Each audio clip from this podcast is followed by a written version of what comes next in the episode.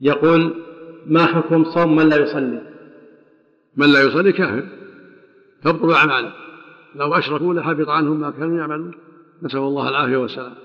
اللي ما يصلي كافر وأعماله باطلة حتى يتوب إلى الله.